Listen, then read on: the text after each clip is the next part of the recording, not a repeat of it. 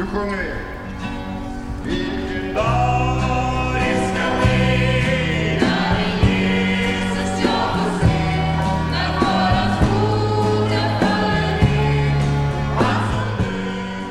Varmt välkommen till en timmes program med Radio Maranata. Vi sänder över Stockholms närradio 88 MHz, Örebro närradio 95,3 MHz och Göteborgs närradio 94,9 MHz.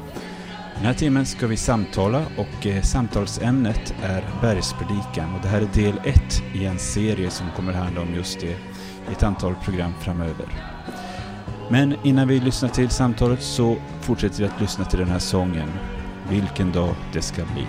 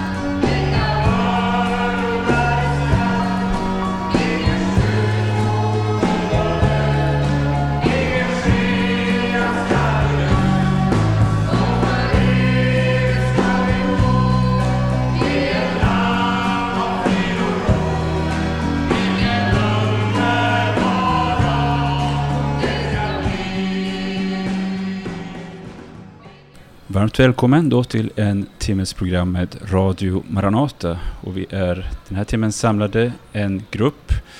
Det är Hans Lindelöf som sitter i Stockholm. Paulus Eliasson i Oslo, eller inte Oslo utan Dal utanför Oslo. Och Berno Widén och jag, Sebastian Widén, nere i Dominikanska republiken i Santo Domingo, huvudstaden. Samtalsledare den här sändningen, det är Berno Widén. Varsågod. Ja, Guds frid allesammans. Jag vill också säga välkommen då till alla lyssnare. Vi ska under den här timmen eh, läsa lite ur Bergspredikan.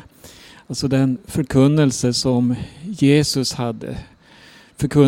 Förkunnaren är alltså Jesus och han är ju försten bland förkunnare. Profeterna i Gamla Testamentet, Johannes döparen, ja, de hade fullbordat sina uppdrag att förkunna och profetera. Men så kom Jesus och han tog allt till en helt ny nivå.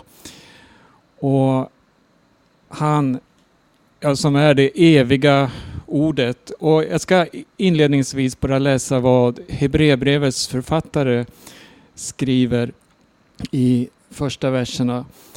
I forna tider talade Gud många gånger och på många sätt till fäderna genom profeterna. Men nu i den sista tiden har han talat till oss genom sin son. Honom har han insatt som arvinge till allt och genom honom har han också skapat universum. Vi ska alltså lyssna till Jesu undervisning och jag ska be dig Paulus Eliasson att du ger oss en liten bakgrund först till eh, bergspredikan. Mm. Ja, Guds frid. Eh, bergspredikan är ju, eh, finner vi i, i Matteus 5, 6 och 7 och så finner vi en, en liknande förkunnelse också i Lukas kapitel 6. Det är ett parallellställe till det här. Eh, men vi ska ta utgångspunkt i det som Jesus säger i Matteus evangelium och därför kan det vara intressant att eh, veta lite varför Matteus skriver sitt evangelium och, och vad som är liksom upptakten till det som sker här. För att Matteus är ett sånt här, han är ju en skriftlärd. Han, han var ju en, en tulltjänsteman men han, han är också en skriftlärd, en man som var väldigt väl bevandrad i Gamla Testamentets skrifter. Eh, och hans evangelium bär väldigt stark prägel av det här, där han ofta knyter an till Gamla Testamentet, både direkt genom att säga det här skedde för att uppfylla det som var sagt genom profeten, och indirekt genom att placera Jesus i situationer, positioner och så vidare där, där det helt tydligt är paralleller till Gamla Testamentet. Eh, och man kan se Jesus som en ny en ny Abraham, en ny Moses, en ny Josua, eh, en ny kung David och så vidare som eh, på, på eh, olika sätt uppfyller det som de här karaktärerna var tänkta att vara i Gamla Testamentet. Eh, men om, om vi ska säga någonting om, om det som leder upp till, till bergspredikan så i Matteus kapitel 1 så möter vi Jesu eh, ättetavla det sägs att det här är berättelsen om Jesus Kristus, Davids son, Abrahams son. Så vi knyts alltså direkt an till både da kungen David, som Gud hade gett eh, ett löfte till, och Abraham som Gud hade gett ett annat löfte till. Det är ju två olika förbund som Gud knyter till Abraham och David. Eh, och Jesus presenteras som uppfyllelsen av de här eh, löftena. Eh, sen så läser vi om, om Jesu födelse, om Maria och Josef. Och i kapitel 2 så sker det här att det kommer de som vi kallar ibland för vise män från östern. Eh, kommer och de tillber den nyfödde. Så vi har alltså en grupp, det här är väl framförallt eh, hedningar då, som kommer och tillber Jesus.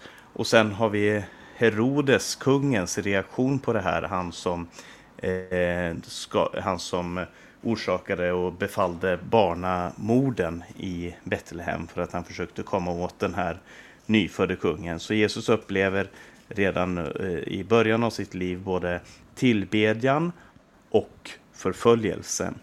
Eh, sen kommer vi till kapitel 3 och det är när Jesus börjar sin verksamhet och då får vi eh, läsa om Johannes döparen som, som förkunnar omvändelse.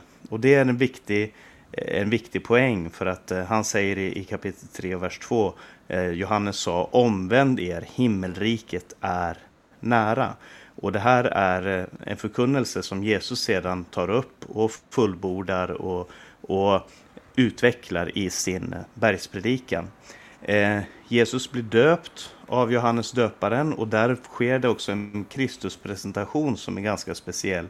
Där en röst kommer från himlen när Jesus stiger upp ifrån vattnet efter sitt dop. Så kommer en röst från himlen som säger Han är min älskade son. Det är en koppling till psalm 2 där det står om Gud som har insatt sin konung på sitt berg. Eh, han har insatt sin son, min, sin älskade son. I honom har jag min glädje och det är en koppling till Jesaja kapitel 40 till 53 där det står om Guds tjänare som han finner sin glädje i. Så Jesus är både kungen och den lidande tjänaren. Eh, sen i kapitel 4 så, gör, så sker ju en av de här stora parallellerna mellan eh, Jesus och eh, Israels folk i öknen. För att det står att Jesus leddes ut för att frestas av djävulen i 40 dagar i öknen. Precis som Israels folk var 40 år i öknen efter att de hade kommit ut ur Egypten.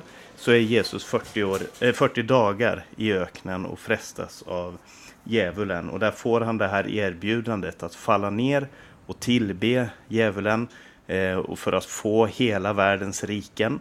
Eh, men Jesus väljer en annan väg. Han säger Herren din Gud ska du tillbe, honom alena ska du tjäna.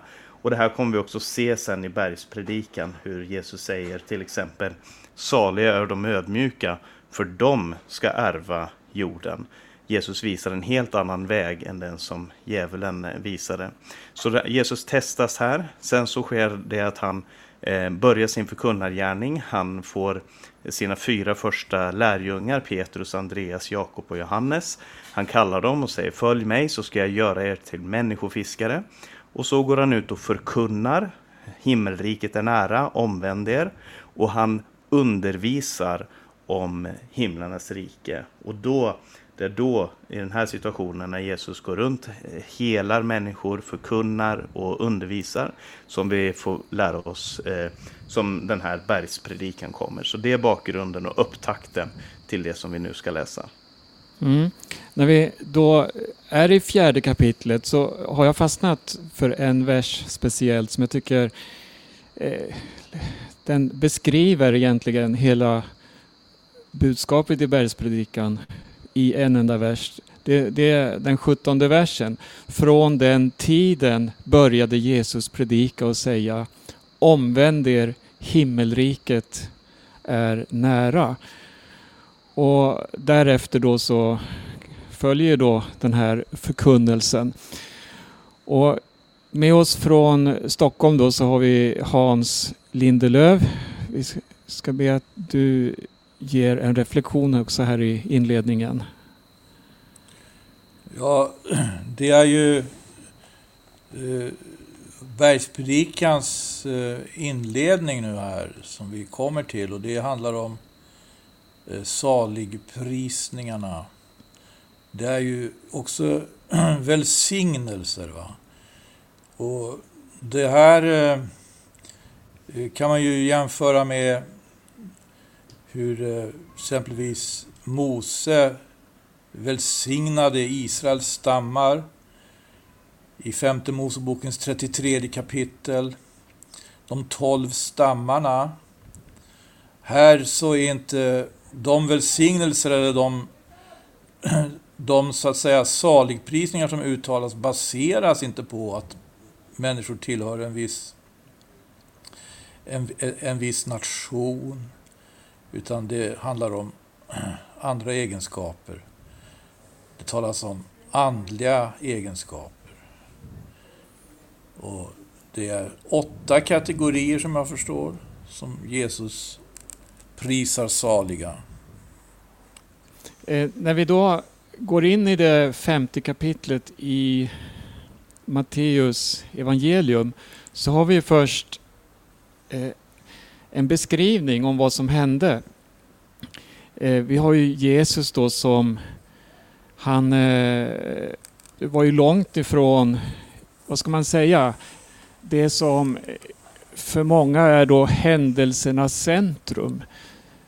Det var ju egentligen Jerusalem och templet, Sion och alla de här heliga platserna som eh, som, som, som Bibeln talar om, Jerusalem. Men, men Jesus befinner sig ute på landsbygden, uppe i bergsbygden. Han är uppe i Galileen och där börjar han sin förkunnelse. Det står ju om Jesus att han hade inte någon plats att vila sitt huvud. Och Det är lite märkligt om man tänker på den person Jesus var.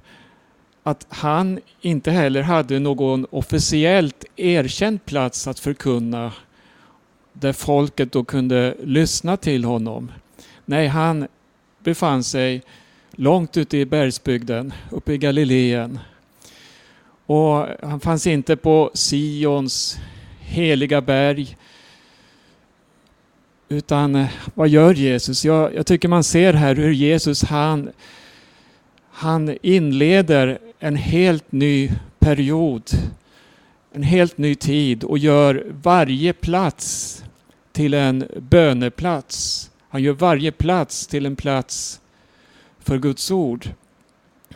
På det sätt som eh, eh jag tänker på Paulus skriver till Timoteus så här att jag vill nu att männen på varje plats ska be med heliga lyfta händer.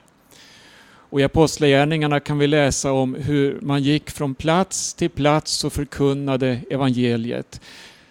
Evangeliet är inte bundet till ett tempel, till en byggnad, till en tradition. Nej, evangeliet har flyttat in i våra hjärtan. Så när Jesus förkunnar om att vi ska omvända oss, när Jesus talar om himmelriket och himmelrikets politik, ja då är det något som börjar inne i varje människas hjärta. Det börjar med en omvändelse.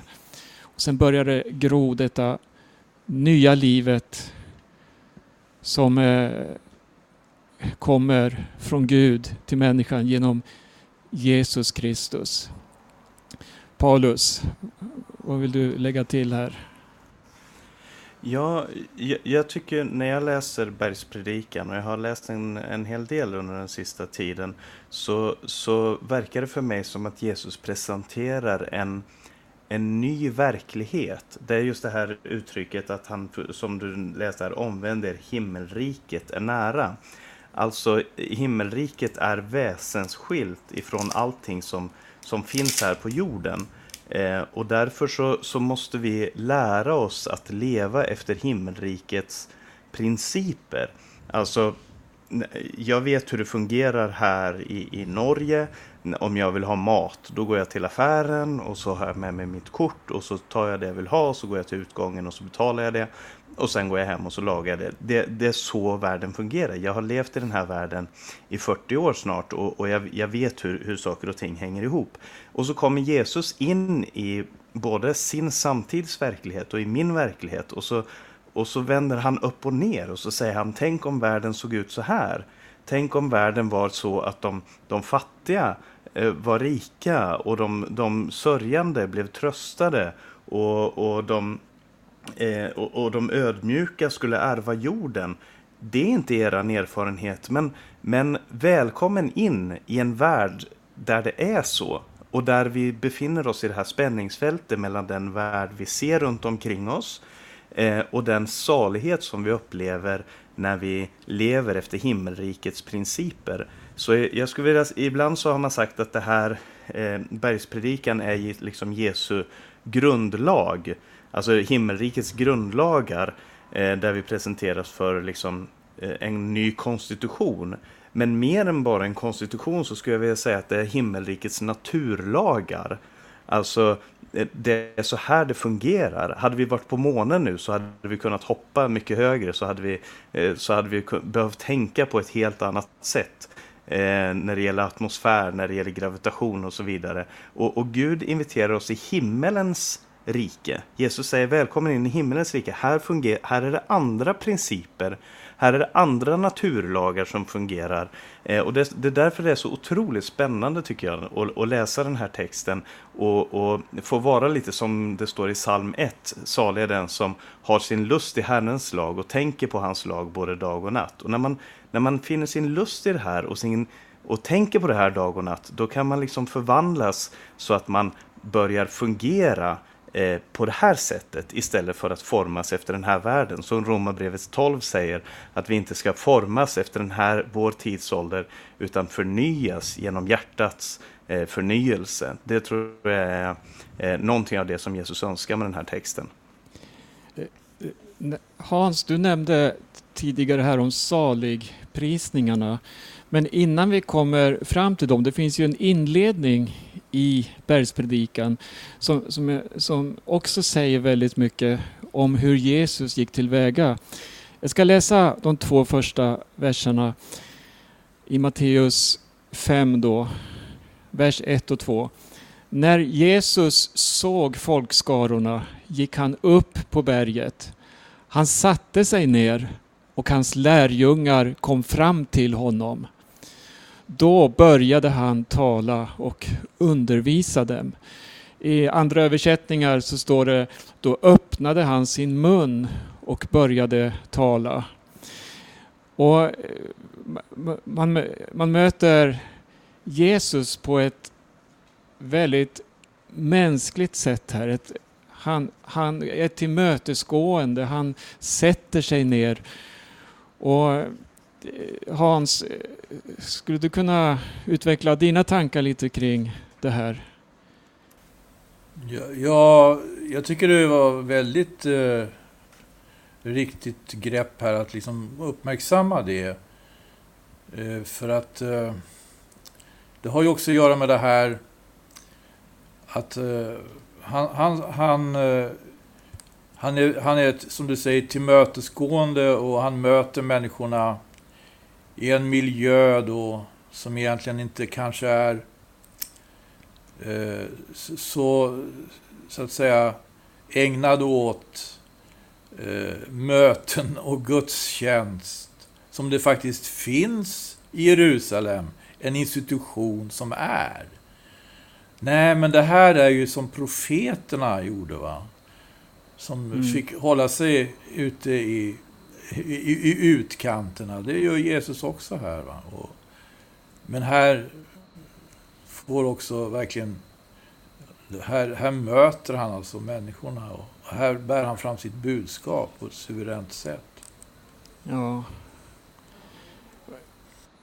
Eh, en, en sak jag fastnat för här som jag tänkt på, det är egentligen fyra olika skillnader mot eh, det vi möter i Exodus eller Andra Moseboken. Det står ju, där kan vi läsa om hur lagen gavs. Det står att Herren steg ner över Sinai. Han steg ner på Sinai berg, på toppen av berget och Herren kallade Mose upp till bergets topp.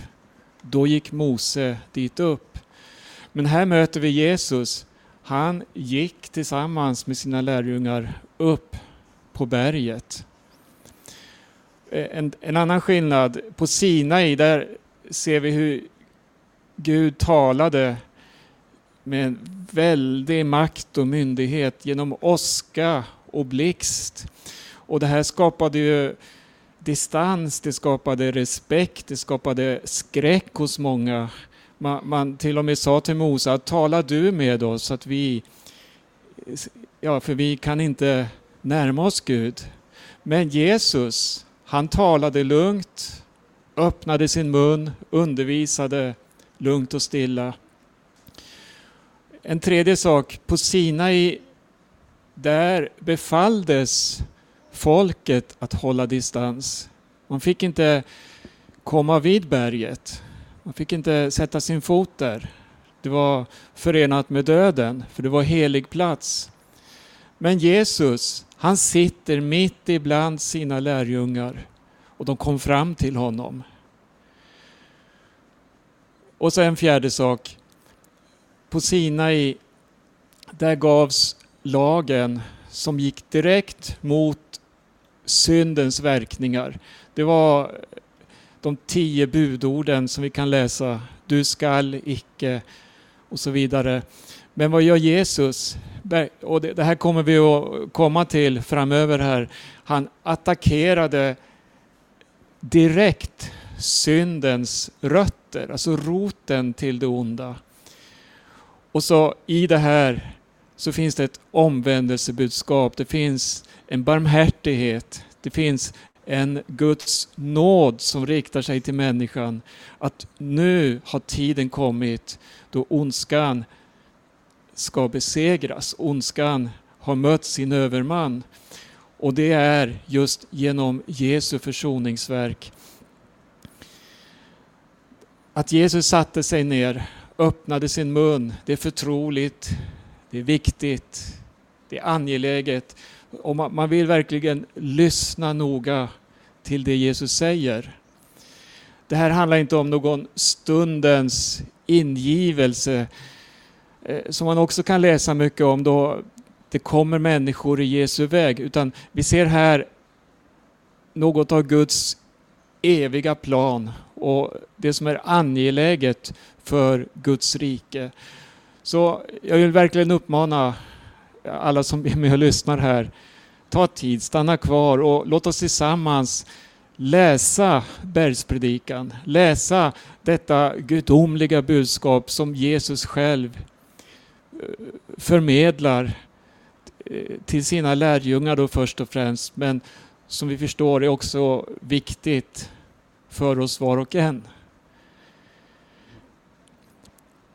Ja. Eh, vi, vi går vidare här och vi kanske ska läsa de här verserna, saligprisningarna. Det är alltså vers 3 till och med 11. Jesus sa då alltså, saliga är de som är fattiga i anden, ty dem hör himmelriket till. Saliga är de som sörja, ty de ska bli tröstade. Saliga är de saktmodiga, ty de ska besitta jorden. Saliga är de som hungrar och törsta efter rättfärdighet, ty de ska bli mättade. Saliga är de barmhärtiga, ty dem ska vederfaras barmhärtighet. Saliga är de renhjärtade, ty de ska se Gud. Saliga är de fridsamma, ty de ska kallas Guds barn. Saliga är de som lider förföljelse för rättfärdighets skull, ty dem hör himmelriket till. Ja, saliga är ni, när människorna för min skull smäda och förfölja er och sanningslöst säga allt ont mot er. Ja, så har vi vers 12. Gläd er och jubla, för er lön är stor i himlen. På samma sätt förföljde man profeterna före er. Eh, Paulus, ska du börja Mhm. här? Ja, eh, jag ska bara, ja, vi, vi kan ju ta det från början här, det är så mycket som är, som är spännande i den här texten. Men saliga är de som är fattiga i anden, för de Mm. tillhör himmelriket. Två saker kan vara, kan vara intressant att, att lägga märke till, eller flera. För det första så kan man säga att det här uttrycket saliga är dörrdum. Eh, det, det är ett ganska vanligt eh, både Eh, bibliskt och utombibliskt sätt att uttrycka sig på Jesu tid och före Jesu tid. Vi känner igen det ifrån eh, ordspråk, ifrån psalmerna till exempel. Psalm 1 börjar ju Säll är den som Salig är den som inte sätter sig eh, tillsammans med syndare, som inte vandrar i de ogudaktigas råd och så vidare. Eh, det handlar om hur får man ett lyckligt liv? Och alla visdomslärare, och här är ju Jesus en ny Salomo. Du nämnde att, han, att det här är en parallell också till, till Moses som gick upp på berget och som kom ner igen med lagen. Det är en parallell och en kontrast. Och det är också en parallell och en kontrast till, till Salomo eh, som ju var den visaste mannen i historien. Och här kommer Jesus med sin undervisning och säger saliga är de. Och det var som sagt ett vanligt sätt att uttrycka sig. En lärare han, han berättade för sina elever eh, hur blir man lycklig? Hur, hur lever man ett harmoniskt liv? Hur uppnår man det som man bör uppnå? Och då kunde en lärare säga sånt som att salig är den som är frisk, för dem går det väl. Eller salig är de som har ett gott arbete. Eller salig är de som har en, en harmonisk familj. Eller sådana saker. Och så, och så förklarar man då varför det var så viktigt med de här olika sakerna. Och då är det intressant att Jesus, här i Matteus evangelium så börjar han att säga, saliga är de som är fattiga i anden. I Lukas är det ännu enklare, där står det, saliga är, de, saliga är ni fattiga, säger Lukas. Mm. för er tillhör himmelriket, eller för dem tillhör himmelriket. Eh, det här ordet fattiga, det handlar inte bara om att man, är, att man eh, inte har tillgångar eller att man inte har någonting. Eh, ordet på grekiska är eh, eh ptochoi, och det är alltså ni fattiga. och, och det betyder att, att vara svag eller att vara fattig, men det handlar också om att vara en, en tiggare, alltså någon som någon som ber om mer. Någon som ser sin nöd och som gör någonting med den. Eh, och jag tror att det är någonting av den dimensionen som man vill få fram här. Att säga att ni, eh, saliga är ni som, som upplever er fattigdom. För att det finns en skillnad mellan det här. I Johannes uppenbarelse till exempel så skriver eh, Johannes sju sändebrev. Ett skriver han till Philadelphia som upplevde sin egen fattigdom, som upplevde sin egen svaghet och Gud sa men du är rik, men du har tagit vara på mitt ord och inte förnekat mitt namn. Men å andra sidan så har du Laodicea som sa jag är rik, mig fattas intet. Och Gud sa, men du vet inte att du är fattig, blind, naken, ömkansvärd. Och därför råder jag dig att du köper av mig. Eh, och, och därför det handlar den här texten, tror jag, om att eh, förstå sin egen fattigdom. Och sen så säger han, för de tillhör himmelriket. Och det är intressant för att här används presens, alltså de tillhör himmelriket. Eller för himmelriket är deras. Eh, eh, och, och, och, alla andra eh, saluprisningar här handlar om någonting i framtiden. De ska bli tröstade, de ska ärva jorden, de ska bli mättade, de ska få barmhärtighet, de ska se Gud, de ska kallas Guds barn. Eh, men i, i vers 3 och i vers 10 när det talar om himmelriket så handlar det om någonting som är här och nu. Guds rike här och nu. Så himmelriket är inte någonting som ligger bortom. Det är inte någonting, det, eller det är också någonting som ligger bortom graven, men det är framförallt det Jesus vill påpeka är att det är någonting som händer här. Saliga är de fattiga i anden, för de tillhör himmelriket. Det är mina tankar om den, om den första saligprisningen här. Eh, Hans, eh, tänkte du kunde fortsätta utveckla saligprisningarna något? Ja, det här med att vara fattig i anden, det, det är klart, det kan man ju verkligen fundera vidare på. Men eh, det står ju eh, också här, saliga är det som sörja. Det, det, är också det här, alltså, bara föreställningen att det skulle vara saligt att vara fattig på något vis. Eller att det skulle vara saligt att sörja på något vis. Eh, men det är inte utan vidare det står saliga det som sörja, ty det ska bli tröstade. Och det verkar ju inte vara saligt alls att sörja. Och det är så mycket va, som människor gör för att dölja sorg, är det inte? Man, an, man mm. anstränger sig till max. Och man vill helst vara, så att säga, bilden av tillvaron och av livet ska helst vara glätt. Ja, det, det är inte heller alltid så, så enkelt som så, men det, det, det, är väl mycket så. va. Men det här att ta tag i sorgen och lyfta fram sorgen som Jesus gör och säga det ska bli tröstade. Ja. Och, och även den komma, det som följer på här, saliga är det saktmodiga, till det ska besitta jorden. Det är också det här saktmod, det, det förknippar man ju inte med att vara en erövrare, va? eller att vara en krigare som, som lägger under sig stora eh, eh, områden. Utan saktmodet är ju någonting helt annat. Men det är de saktmodiga, säger Herren, som ska besitta jorden. Också den här märklig, hur han vänder på tankarna och föreställningarna. Det finns ju med här. Ja. Eh, är det inte så att när, när Jesus undervisar här och så om man tänker då på en förkunnelse som är väldigt vanlig i våra dagar. Allmänt känt då som framgångsteologi. Du ska välsignas med materiella saker. Du ska välsignas med hälsa, välfärd och så vidare. Eh, bara genom att läsa Jesu ord, det slår ju hål på på, på de här framgångsbudskapen. Är det inte så? Det, det verkar som att Jesus vänder upp och ner väldigt mycket på, på våra föreställningar om vad som, är, vad som är saligt, vad som är bra, vad som är framgång.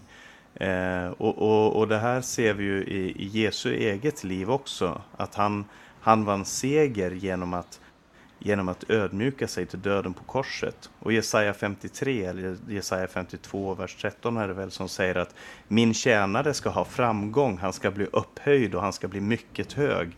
Och då tänker man sig, oj, fantastiskt, det här måste vara en supermänniska. Men så kommer undervisningen om att han förs bort som ett lamm för att slaktas. Och det är de här kontrasterna, eller de här, egentligen är det inte kontraster, för oss är det kontraster, för oss är det motsägelser och, och, och, och märkliga uttalanden och hur kan det här hänga ihop?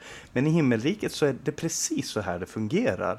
Och det, och det är det som är så fantastiskt, att, att det är de som sörjer som blir tröstade. Och, och, och det tycker jag också för att hela, i gamla testamentet så är det så många människor som gråter. Du har Esau som gråter i mötet med Jakob, du har Josef som gråter i mötet med sina bröder, Saul som gråter när han, när han möter David som han egentligen förföljer, David som gråter flera gånger över Abners död. Det handlar om brutna relationer mellan människor. Och sen har du Jeremia som gråter på grund av den brutna relationen mellan himmelen och jorden, mellan, mellan Gud och människa. Och all den här sorgen som, som, som eh, Israel genom historien är, är neddoppad i. Liksom. Eh, den mynnar ut i det här som Jesaja talar om i Jesaja kapitel 40. Trösta, trösta mitt folk, säger Herren. Jag ska ge dem igen för det som har förlorats. Jag ska återupprätta det som har försvunnit. Eh, det är de som sörjer, de som har gått ner i den djupaste dödsrikets dal, som får uppleva att de kommer ut ur det tröstade av Herren själv. Och någonting liknande säger ju Paulus i Andra Korinthierbrevet kapitel 1, vers 3-4. Där, där säger han ju det här att Eh, all trösts Gud som tröstar oss i all vår sorg, nu tar jag det fritt från minnet, för att vi ska trösta dem som är i nöd. Eh, alltså, alltså det, det finns ett mål här att, att den erfarenheten av att möta Gud i sin djupaste sorg och bli tröstad ska leda till att man kan hjälpa andra. Och det är ju trots allt det Bibeln handlar om, att älska Gud och älska sin nästa. Och det är då man är salig, det är då man är där man ska vara, när man, eh, när man i sin sorg kan bli tröstad och kan, bli tröst, kan trösta andra. Jag tror att det är någonting av det som, som eh, Jesus vill få fram här. Mm. Eh, Här ute i Dominikanska republiken så finns det ju eh, väldigt många fattiga människor.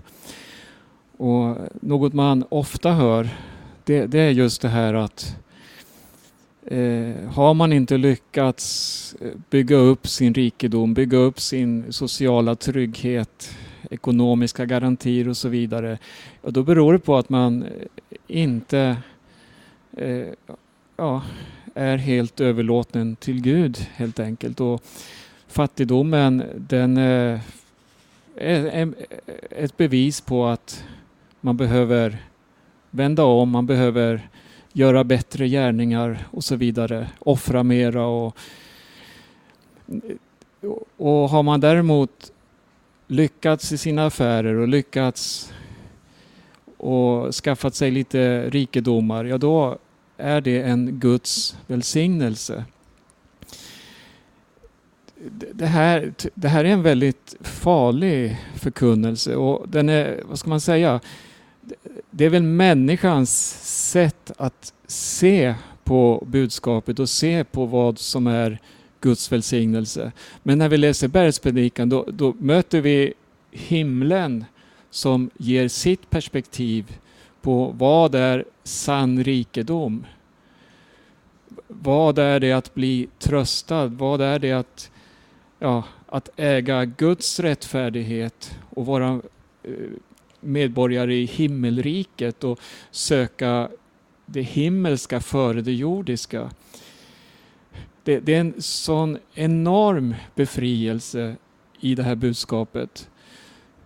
För att då du möter en fattig människa, det kan vara den mest hängivna och underbara brodern eller systern som, som älskar Jesus av allt sitt hjärta, och som, men som kämpar varje dag för sitt bröd och tacka Gud varje dag för det dagliga brödet.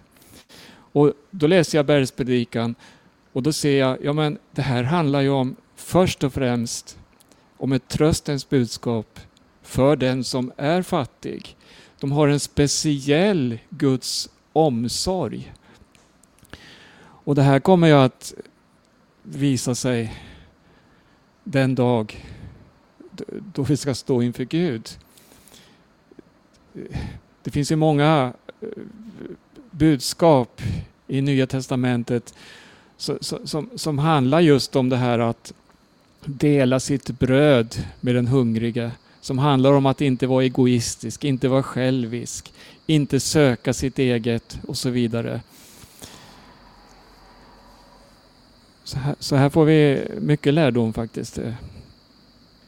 Ja, och det är en utmaning också. Jag, jag tänkte på det det eh, han talar till sina lärjungar med folket som, eh, som åhörare. Och det, för lärjungarna, för oss som har, liksom har kommit, som menar oss att vara lärjungar, som önskar att vara lärjungar, så är ju det här inte bara ett förslag eller en tanke eller en idé som vi liksom inviteras att pröva på, utan, utan det här är verkligen de principer som vi ska leva efter. Eh, och hur kommer det ta sig uttryck? Precis som du säger när man är i Dominikanska republiken eller som, som jag är i, i Rumänien och möter fattiga människor där. Det här budskapet här är så otroligt aktuellt för dem. Eh, för mig som lever i ett, i kanske världens rikaste land så, så, är det en, så är det en varning, en utmaning.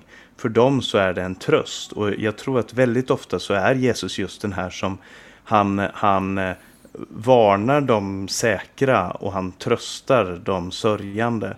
Eh, och där får man verkligen se över sitt liv, var man befinner sig någonstans. Eh, sjätte versen står Saliga är de som hungrar och törstar efter rättfärdighet. Vad menar Jesus här med rättfärdighet? Hans, vill du säga något om det? Så det är ju just rättfärdighetens, om man säger karaktär, som Jesus är angelägen om. Förstår man, när, när vi läser bergspredikan i sin helhet. Och jag tänker på ett ord hos en av profeterna som, eh, jag tror att det är Amos, som får fram den här karaktären. Det, jag tror att det är Amos femte kapitel. Och... Eh, ska se här om jag hittar det.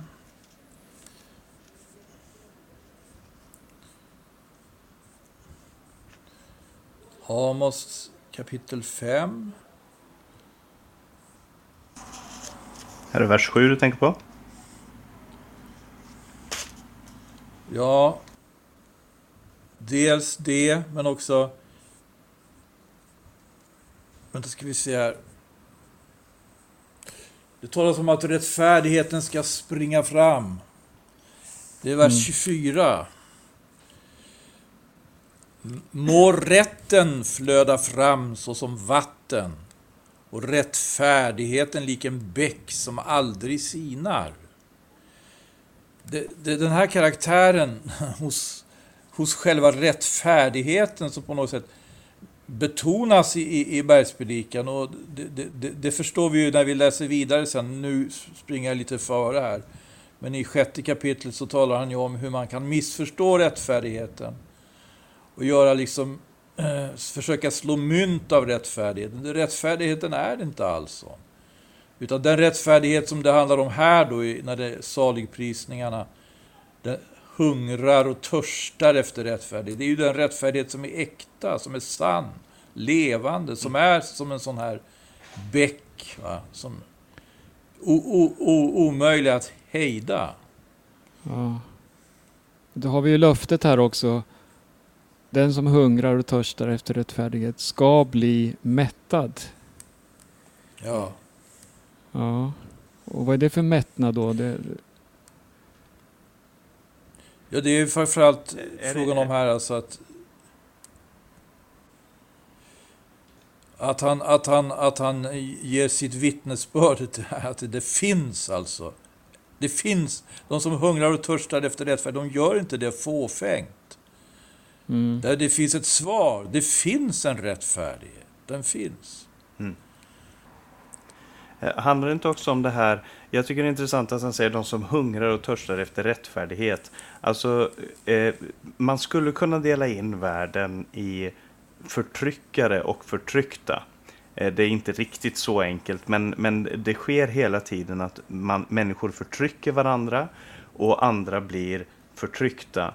Eh, sen är det här en spiral som, som alla i någon mån är både förtryckare och förtryckta och vi lever som slavar under synden.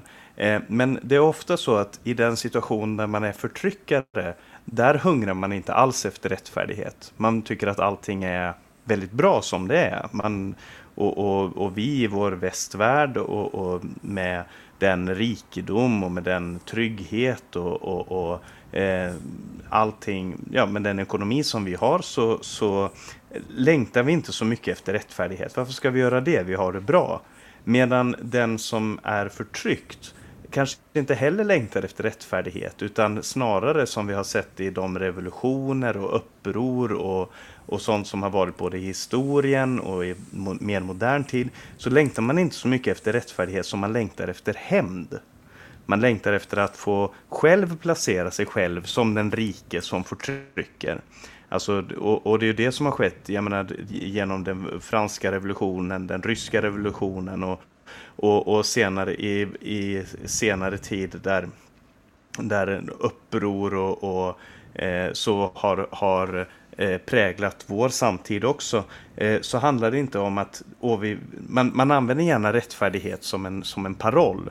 Frihet, jämlikhet, broderskap. Det, det handlar om rättfärdighet. Men det man längtar efter det är att själv få härska och få vända upp och ner så att man själv blir den härskande och andra, eh, andra blir de lidande. Men, men Jesus talar om att hungra och törsta efter rättfärdighet, alltså att det ska vara rätt. Att saker och ting ska fungera på ett rätt sätt. Och det kanske plågar mig. Det kanske, det kanske inte alls blir så bra för Paulus eh, på Dal i Norge om, om rättfärdighet skulle ske till fyllest. Eh, men, och, och för andra så kanske det här, så är det naturligtvis en befrielse. Men, men just det här att de som hungrar och törstar efter rättfärdighet, de ska bli mättade. Precis som Hans sa, därför att Gud har en plan för rättfärdighet. Han ska låta rätten strömma fram som en, som en flod eh, och, och låta den över, eh, fylla jorden. Så det är, de som läng- det är inte de som längtar efter hämnd som ska bli mättade. Det är inte de som vill ha status quo som ska bli mättade. Men de som längtar efter rättfärdighet. Mm. Eh, eh En siffra som jag har hört, eller som kommer fram då och då, det, det är det här om eh, alla människor skulle leva på den nivå som vi lever i västvärlden, då skulle vi behöva fyra jordklot. För, för, eh, jag vet inte hur pass det här stämmer, men, men, men, men det är i alla fall en bild som visar på att om vi ska ha rättfärdighet på vår jord för alla människor, då, då, då måste ju helt enkelt vi som lever i välfärdsländer eh, säga nej tack till mycket av alla sociala förmåner som vi har. Så, så hela jorden är som i, i ett, den, vad ska man säga, den ondes våld på något sätt. Precis, så det är, det är bara en hunger efter rättfärdighet som kan, som kan rädda Mm. oss ut ur det här. Men sen fortsätter ju Jesus i versen efter och talar om barmhärtighet. Det är också en uppmaning. Alltså var barmhärtig. Saliga är de barmhärtiga för de ska få barmhärtighet. Det är faktiskt den första saligprisningen som eh, inte riktigt bryter med eh, man säger de, de, de, de föreställningar och tankegångar som man, människor vanligtvis har. Saliga är det fattiga, det stämmer inte. Saliga är det sörja, det stämmer inte. Saliga är det saktmod, det stämmer inte. Saliga är det som hungrar och törst. Det stämmer inte med den ytliga, glättiga bilden av tillvaron om man vill ha den. Men saliga är det barmhärtiga, till de ska vederfaras barmhärtighet. Det är liksom, det verkar lite mer rim och reson va? Ja, ja. Det, det, det finns väl en tanke där som, som återkommer i många olika filosofier, att du ska behandla andra som du själv bli, vill bli behandlad. En, Kant hade ju den här äh, filosofin att, äh, att äh, man ska, som han på något sätt hämtade också från Jesus, som också kommer att dyka upp här i bergspredikan, att du gör mot andra som du vill att andra ska göra mot dig. Men, men ändå barmhärtighet, det är ju, det är ju en, en det är inte så världen styrs. Det är inte så eh, världen kontrolleras. Det är inte barmhärtighet som, som har placerat eh, politiker i de positioner som de har. Och, och eh, Jeff Bezos och, och de stora ekonomiska krafterna i världen har ju heller inte varit präglade av, av barmhärtighet. Men, men det är barmhärtighet som får barmhärtighet. Det är förlåtelse som får förlåtelse. Det är kärlek som får kärlek. Det är, det är ett nytt sätt att tänka på som, som Jesus eh, i, eh, hälsar oss välkomna till. Mm. Eh, att få barmhärtighet, om man inte är barmhärtig då mot andra, då får man inte själv barmhärtighet. Det, det, det, det låter som att det handlar om en dom som väntar. Och, och visst talar Jakob om det här också, att eh, visa barmhärtighet. Och sen följer versen här efter det här då, saliga är de renhjärtade, för det ska se Gud. Det, det, det är som att allt, allt det här, det är inte inför människor i första hand. Men Gud han ser ju våra hjärtan, han ser ju rakt igenom oss. Om vi gör saker för egen vinnings skull eller om vi har baktankar eller vad det vara må så vet vi att inför Gud så är vi som en öppen bok. Och, men hur kan vi då bli renhjärtade? Hur kan vi få ett rent hjärta? Hur, hur, finns det någon möjlighet överhuvudtaget att med ett rent hjärta komma inför Gud? Att kunna se Gud? Är det möjligt? Det, det, finns ju, det finns ju bara ett sätt eh, som, som människan kan få ett rent hjärta. Och det står i Hebreerbrevet kapitel 9. Hur mycket mer ska då inte Kristi blod rena våra samveten från döda gärningar till att tjäna den levande guden? Eh, det är, det är eh, Bibelns enda recept för ett rent hjärta. Att man som psalmisten vänder sig till Gud och, och ropar ut det här. Eh, eh skapa i mig Gud ett rent hjärta och ge mig på nytt en frimodig ande.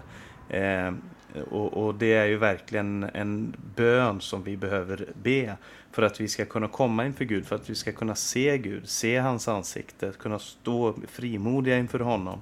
Så är det inte våra egna rena hjärtan, utan det är Guds renande kraft som vi behöver i våra liv. Mm. Eh, vi har inte så många minuter kvar. Eh, vi ska hinna med en liten bit till här. Eh, vi, vi har sett flera olika egenskaper som Jesus talar om, då, som vi behöver vara utrustade med. Ha ett rätt sinne, eh, leva rättfärdigt, vara barmhärtiga, ha ett rent hjärta inför Gud och så vidare. Men så kommer vi till den tionde versen. Då, då säger Jesus Saliga är de som blir förföljda för rättfärdighetens skull. Det, det, det, det är som att han talar om för sina lärjungar här att vill ni leva rättfärdigt då kommer ni att bli förföljda. Hur hänger det här ihop egentligen? Eller saliga är ni när människor hånar och förföljer er och ljuger och säger allt möjligt ont om er för min skull. Eh, Hans, vill du säga något om det? Ja, då är vi ju tillbaks i det här att det liksom... Det, det, det verkar ju inte alls vara något saligt. Lika lite som hunger och törst är saligt så är det väl det att vara förföljd något saligt. Men då, då är det ju frågan om här att eh, det finns eh, något mer än just det man kan uppleva som... Man upplever, man, det talas om att var och en är sig själv närmast. Är vi oss själva närmast, ja då kommer vi aldrig uppleva förföljelse som något saligt. Men är vi nära Gud, det är det. Tjänar vi honom, vittnar vi om honom och, och, och för den skull möter förföljelse, då, då är det saligt. Ja. Eh, Paulus, du har en minut till här innan vi måste avbryta. Hur vill du? Ja, eh, jag, jag får, ju, får ju säga det att eh, Jesus, som sagt, Jesus eh, hälsar oss välkomna in i en ny verklighet. Och i den här verkligheten så, så befinner vi oss fortfarande i världen. Som Jesus säger i Johannes 17 så är vi fortfarande Mm. i världen men inte av världen. Och det är därför som vi kommer uppleva den här konflikten mellan den gamla världen och himmelriket. Som gör att vi att vi upplever förföljelse, kommer att få uppleva förföljelse, men i den förföljelsen så finns det en salighet. Just därför att det finns ett hopp om en kommande värld, just därför att det finns en andens kraft som redan som, som är verksam i oss, just därför att Jesus Kristus redan har vunnit seger över den här världen och över den här världens första. Gläd er och jubla. Och så just det här för att vi, har, vi står i en linje tillsammans med profeterna i Gamla Testamentet. På samma sätt förföljde man profeterna före er. Så den här saligheten, det är verkligen någonting att söka och längta efter. Mm. Jag ska till sist här eh, citera något som Paulus skriver i första Korinthierbrevet. Just det här att vara utvald av Gud, att Gud ser varje människa. Och det gör han verkligen. Och han, han har öppnat en väg för dig som lyssnar att kunna komma till honom, att, att få möta ja, den sanne guden som uppenbarar så här viktiga sanningar för oss, som får oss att se på det himmelska och, och, och för att kunna se på världen också med Guds ögon, med Guds rättfärdighet. Och så här skriver eh, Paulus då, vi kan läsa någon vers 27, vers 27 i första Korinthierbrevet 1. Det som för världen var dåraktigt har Gud utvalt för att låta det visa stå där med skam. Och det som för världen var svagt har Gud utvalt för att låta det starka stå där med skam. Det som för världen var oansenligt och föraktat, ja det som inte var till har Gud utvalt för att göra till intet det som var till, för att ingen människa ska berömma sig inför Gud. Här har vi Paulus då som på, på ett sätt också beskriver bergspredikan. Och ja, vi får, det här var en inledning och vi kommer att återkomma och fortsätta läsa igenom då bergspredikan i kommande program. Med det så får vi tacka för oss för den här gången. Gud välsigne var och en. Du lyssnar till Radio Maranata och vår sändning här, vår timme i eten går mot sitt slut. Det här programmet har sänts över Stockholms närradio 88 MHz, Örebro närradio 95,3 MHz och Göteborgs närradio 94,9 MHz. Vill du ha kontakt med oss är du välkommen att besöka vår hemsida på www.maranata.se. Du kan även ringa 070-201 6020 eller mejla oss på info maranata.se. Med de orden önskar jag dig Guds rika välsignelse och på återhörande snart igen.